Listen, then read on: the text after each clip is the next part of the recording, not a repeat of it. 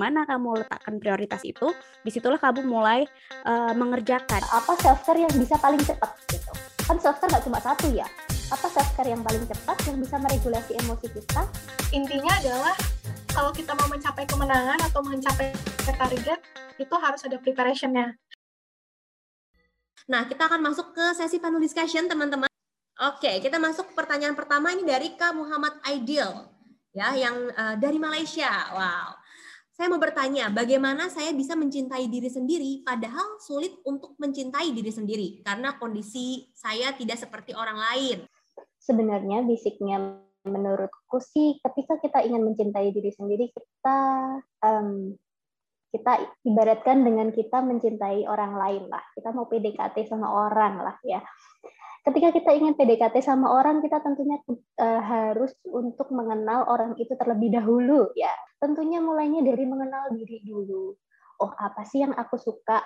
Oh apa sih yang membuat aku merasa seperti ini? Oh apa sih kemampuanku? Itu dimulai dari mengenali dulu. Kalau kita sudah mengenali kita bisa menerima. Nah, ketika kita sudah bisa menerima yang namanya kelebihan kita, kekurangan kita, kemampuan kita, Nah, itu kita baru bisa mencintai diri. Oke, kita masuk sesi pertanyaan berikutnya. Ini dari Kak Safril Ilmi.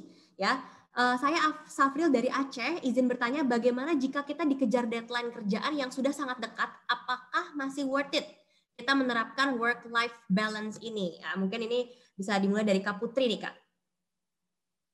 Oke, kalau udah dikejar deadline, ya itu tadi yang tadi kata Kak Smita sama Kak Belinda tadi tentukan prioritas tadi kan ada yang namanya prioritas di mana kamu letakkan deadline itu tadi atau di tengah kah atau di atas kah atau di bawah kah gitu di mana kamu letakkan prioritas itu di situlah kamu mulai uh, mengerjakan gitu kalau udah dikejar deadline ya mau nggak mau harus dikerjakan gitu kan. Yep. Wow, thank you. Ada mungkin ada tambahan dari Kak Belinda atau Kak Smita? Aku mau nambahin dikit sih. Mungkin uh, ketika udah apa ya di dunia kuliah atau kerja gitu sebenarnya kenali dulu lingkungan kadang kalau kita masuk ke lingkungan kerja kan ada emang lingkungan yang fast pace. Dikasih hari ini eh selesai besok bisa nggak? Gitu kan. Jadi mungkin kenali lagi dulu diri kita tuh cocoknya seperti apa, seperti yang Kak Putri bilang, deadlineer atau harus nyicil. Terus nanti ketika masuk ke lingkungan kan kita bisa milih kan, kita mau masuk ke lingkungan yang mana, khususnya ketika kerja. Kalau udah tahu lingkungannya fast pace, uh, deadlineer semua pekerjaannya, projectnya, berarti kita harus menerima risiko itu gitu. Kalau kita bisa lihat ya untuk ngerjain sesuatu yang deadline itu, sebenarnya bebannya bukan di bagian uh, bukan hanya di bagian rasional tetapi juga di bagian emosional ini udah deadline nih oke prioritas nomor satu dia berapa jam lagi untuk uh, untuk deadline dia berapa jam lagi. Oke, okay. makanya tadi di sini kita uh, tahu apa uh, segalanya tentang diri kita supaya kita tahu juga gitu uh, apa self care yang bisa paling cepat gitu. Kan self care nggak cuma satu ya. Apa self care yang paling cepat yang bisa meregulasi emosi kita? Misal tarik nafas di 10 menit kita kasih waktu kira-kira 10 menit gitu untuk uh, meregulasi emosi kita. Oke, kita akan masuk lagi ke pertanyaan selanjutnya. Di sini ada dari eh, Jessica Shirley ya, dari Surabaya. Wah ini jauh-jauh ya, ada Aceh, Malaysia, Surabaya. Izin bertanya gimana caranya berhenti untuk membandingkan diri kita dengan orang lain padahal sudah coba beberapa cara misalnya jarang lihat sosial jarang lihat sosial media tapi masih aja nih ngerasa nggak cukup dan selalu merasa kurang uh, itu balik lagi sih ke gimana kita memproses atau kita punya mindset gitu. Kadang memang ketika kita lihat orang atau kena pressure gitu ya, kadang kita terlalu fokus, duh gimana nih untuk untuk ngejar hal-hal yang kita ngerasa kita tertinggal. Tapi balik lagi kayak sebenarnya salah satu bentuk self love adalah menerima diri sendiri sih. Eh, self acceptance itu jadi salah satu hal yang penting juga ketika menghadapi masalah seperti itu. Self acceptance itu lebih ke arah kita tahu diri kita, kita tahu kemampuan, kita menerima, terus kita tahu gimana cara nge-improve. Nah, mungkin dari Kak Putri atau Kak Smita mau ada tambahan juga? itu nggak bisa dihindarin banget emang menghi tapi ya ya mau gimana lagi ya itu capaian mereka kok mereka bisa kayak gitu kok aku enggak ya udah mereka oh ternyata mereka konsisten nih atau oh ternyata mereka kan yang dilihat kan yang bagus-bagusnya aja ya kalau sosial media ya. Kan yang perih-perihnya yang nangis di belakangnya kan nggak kelihatan. Jadi kita jangan ngejudge diri kayak aduh aku nggak bisa apa-apa nih dibandingin dia. Ya nggak apa-apa. Itu namanya proses berproses. Kita proses dewasa tuh harus melewati itu gitu. Nggak apa-apa. It's okay banget. Banyak-banyak bersyukur berarti ya kak ya.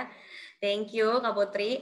Oke kita langsung lanjut lagi ya pertanyaan selanjutnya semoga tadi terjawab. Ini dari Kahani Nur ya. Izin bertanya kepada Kak Smita. Tadi berbicara tentang cari jaringan teman buat sharing.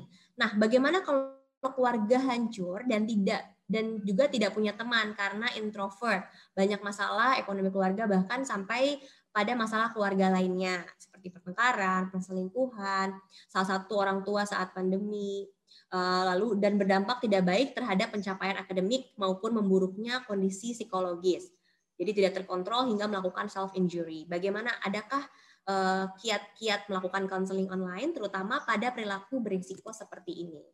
Uh, lebih ke reach out ke anu ya kalau misalnya merasa butuh bantuan tadi ya ketika kita merasa butuh bantuan maka langsunglah cari bantuan uh, kalau nggak punya teman kalau nggak uh, merasa nggak punya teman atau keluarga hancur atau nggak ada orang lain maka cari lah ini karena sudah mulai banyak ya platform konseling konseling online ya. Nah mulailah dari situ nanti uh, akan mencoba untuk uh, sorting out satu-satu ya karena tadi uh, kita bisa lihat kalau misalnya sebenarnya tidak hanya permasalahan itu tidak hanya permasalahan secara rasional tetapi juga permasalahan secara emosional. Oke, thank you Kasmita. Oke, kita masuk ke pertanyaan dari Kafarah Nur Aziza ya. Selamat siang. Uh, ingin bertanya kepada Kak Putri, salah satu jadi kesejahteraan psikologi ialah memiliki tujuan hidup. Kita tahu apa yang harus kita lakukan, tetapi terkadang tidak konsisten dalam melakukannya. Menurut kakak, apakah ada tips ataupun trik khusus bisa konsisten dalam mengejar tujuan hidup? Pelan-pelan, step by step gitu. Kalau nggak konsisten nggak apa-apa. Itu udah pencapaian gitu loh. Udah uh, satu langkah, oke. Okay. Besok enggak lagi.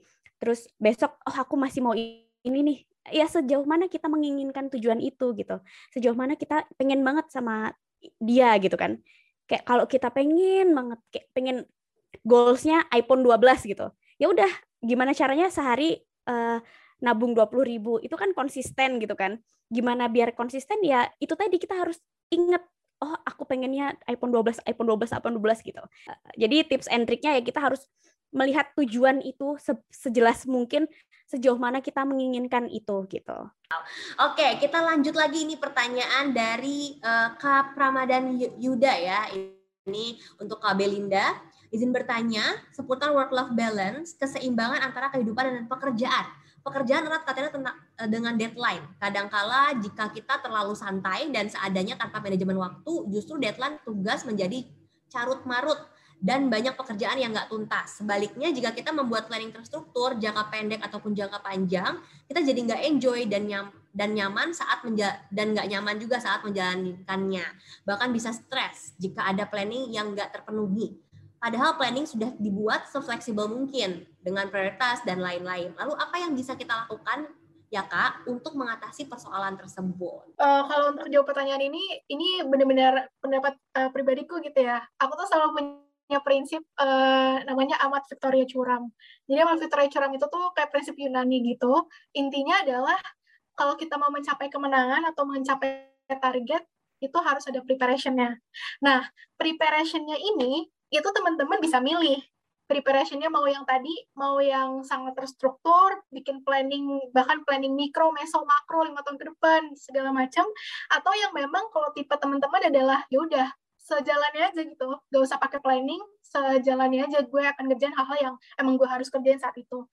Mungkin itu ya jawabannya semoga menjawab. Wow oke. Okay. thank you kak Belinda. Mungkin dari kak Smita atau kak Putri ada tambahan? Uh, mungkin tambahan di bagian ya, ini aja ya. Kan uh, untuk pertama kan kita dari uh, dari Belinda. Tadi kita tahu ya. Uh, kita perlu menanamkan mindset kalau life itu never flat ya kayak kita atau ya ada yang ada yang up and down gitu. Kemudian perlu juga kita sadari bahwa uh, that's how's life dan itu tidak mempengaruhi how worthy we are. Ada yang kita merasa ketika gagal tuh langsung wah ini salahku, ini salahku. No, it's not. No, it's not. Jadi kegagalan, kemudian keberhasilan itu tidak ada korelasinya langsung dengan worthiness kita. kita tetap bersih kok. Luar biasa, thank you Kak Smita ya. Kita langsung masuk lagi pertanyaan selanjutnya dari Kak Febiesta Deborah. Saya Feby ingin bertanya bagaimana jika kita ingin mencoba memulai produktif tapi tidak tahu mulai dari mana. Nah, ini uh, sedangkan hampir semuanya penting. Nah, ini mungkin juga bagus sekali nih pertanyaannya. Mulai dari mana gitu ya? Mungkin bisa dimulai dari Kak Putri Kak?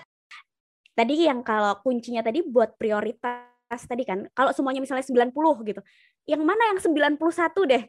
Tuh, dibandingin antara 4 atau 5 gitu. Yang mana yang 91 yang lebih penting. Nah, itu yang kita kerjakan dulu. Nanti kalau udah kayak gitu, kayak kata Mbak Belinda tadi kita ngerti flow-nya gitu kan. Oh, habis ini ini, habis itu itu gitu. Oke, luar biasa uh, Kak Putri. Jadi good banget. Mungkin ada tambahan lagi nih dari Kak Smita atau Kak Belinda? Aku mau nambahin dikit sih. Boleh, silakan Kak. Uh, aku uh, sempat ini sih uh, kalau penting banget semua kayak gitu gimana milihnya gitu kan ya. Jadi aku uh, apa namanya pernah bikin kayak framework gitu, bukan aku yang bikin sih, orang ya psikologi gitu bikin. Jadi ada dua hal yang bisa teman-teman considerin gitu. Impact sama ease of implementation. Jadi coba teman-teman mapping mana yang hal-hal yang dari yang penting semua itu yang kalau nggak dikerjain itu impact buruknya kita tuh paling tinggi dan ease of implementation itu jangan lupa diterapkan ya tadi uh, untuk uh, yang bertanya gitu ya Kak Feby. Kita lanjut lagi, ini pertanyaannya cukup banyak ya uh, saya uh, pilih lagi. Ini ada dari Kak Devianti ya. Pertanyaannya adalah untuk life balance itu sendiri bahwa di mana ini merupakan keseimbangan hidup. Lalu apakah life balance itu dapat berubah karena mental dan emosi kita? Padahal dari awal kita sudah merancang sesuatu sesuai deadline. Apakah mental dan emosi ini akan jauh lebih berpengaruh? Oke, iya. Kalau misalnya itu tadi ya, kadang itu yang sulit itu bukanlah mencapai sesuatunya, tetapi beban mental yang kita rasakan. Nah, eh, kita perlu pahami juga seperti yang tadi eh, teman-teman juga sudah paparkan bahwa tidak selamanya yang namanya balance life itu tuh balance gitu. Menerima bahwa kita itu juga kadang out of balance and it's okay gitu. Jadi kalau aku ibaratkan naik sepeda, kalau ibaratkan anu ya, ibaratkan kehidupan ini adalah kita naik sepeda gitu. Kita naik sepeda, kita punya tujuan gitu. Kita punya tujuan dan balance itu adalah ketika kalau kita ketika kalau kita nyepeda gitu ya moving forward terus moving forward gitu. Nah, eh, apakah itu akan eh, akan selalu balance? Oh, enggak juga. Kadang kita akan terasa tidak balance juga gitu. Dan itu yang perlu kita pahami pertama. Itu yang perlu kita pahami pertama sehingga ketika kita nanti out of balance, itu kita tidak sekecewa itu. Oke, sudah cukup ya. Ini pertanyaannya mirip-mirip juga, tapi memang ini uh, mungkin dari Kapus Pita Diana ya, izin bertanya gimana memanajemen emosi saat kita lagi down. Kayak udah merasa capek akan sesuatu hal yang udah kita usahakan, tapi belum mencapai uh, goal-goalnya gitu. Dampaknya jadi menjauhi orang-orang, nggak pengen ketemu teman-teman, meskipun mereka udah berusaha menyemangati kita, tapi malah jadi pengen menyendiri. Karena kalau berinteraksi sama orang takut emosinya nambah nggak ke kontrol. Udah berusaha self love tapi malah jadi merasa menyalahkan diri sendiri. Nah ini gimana nih kak dalam menghadapi uh, seperti ini gitu? Mungkin dari KB Linda kak. Oke, okay. uh, kalau dari aku sih gimana ya? kuncinya itu adalah yang pertama pastinya ngerti balik lagi sih ya kayak tahu diri sendiri gitu sih kayak knowing ourselves better and better tapi jangan lupa juga untuk terbuka tadi yang open minded sama orang kadang kita sendiri tuh nggak bisa nyelesain masalah yang datang ke kita kita butuh orang lain nah orang lain environment sekitar kita ya sesimpel orang tua adik, kakak, teman, sahabat, pasangan, siapa pun itu yang kita percaya, itu sebenarnya bisa bantu kita untuk menyelesaikan masalah yang datang ke diri kita tersebut. Oke. Okay. Nah, kalau Mbak Puspita sudah mungkin sudah berada di dalam kondisi itu, itu kan berarti ada signaling, oh ini butuh help gitu. Uh, jangan ragukan uh, our instinct untuk mencari help gitu ya. Berarti itu beneran butuh help uh, ya meskipun profesional atau tidak profesional you need help. Ketika your gut or your instinct say that you need help, you need help. Wow, ya. thank you Kak Smita. Silakan Kak Putri. Ya kalau dari aku itu kan ciri orang nggak bahagia kan berarti itu dia merasa tidak bahagia. Kenapa tidak bahagia? Kenapa goals goalsnya tidak tercapai itu tadi kayak ya itu kata Kak Smita tadi. That's a signal. Cari uh, butuh someone or you need uh, me time. Ya apa me time kamu? Buat apa? Mulai mulai restart lagi dari awal. Kenapa? Gitu. You need to understand yourself. Uh, kalau kamu misalnya benar-benar kayak aku nggak mau ketemu orang. Aku nggak mau apa. Sekarang banyak platform yang bisa lewat chat gitu kan yang asking for uh, professional help gitu. Lewat chat pun bisa. Jadi itu udah sinyal benar kata Kasmita itu ya udah. Kenapa kamu nggak bahagia? Itu udah udah sesimpel itu kok kamu bisa nggak bahagia gitu? Why? Tuh. Itu sih. Wow. Oke, cari apa yang bikin kita bahagia. Thank you banget untuk para panelis ya. Ada Kasmita, Kak Putri, Kak Belinda buat sharingnya. Insightnya sangat bermanfaat gitu ya uh, untuk kita semua. Thank you banget. Terima kasih juga kepada media partner keren. Hari ini ada informasi webinar, Light Pillar, dan juga Tauce. Dan sponsor kami yaitu Spirit Psychological Center yang telah mensupport acara kami pada hari ini ya. Juga thank you uh, pada teman-teman semuanya, Bapak Ibu, seluruh peserta peserta yang sudah ikut webinar hari ini. Mohon maaf apabila dari kami ada salah-salah kata ataupun ada kesalahan teknis lainnya. Berharap semoga webinar hari ini bisa bermanfaat bagi kita semua. Terima kasih dan sampai jumpa di webinar keren lainnya. Dan tentunya jangan lupa untuk follow Instagram keren di @keren_indonesia dan juga Facebooknya di Keren Entertainment Indonesia. Thank you, stay safe, see you, and bye-bye.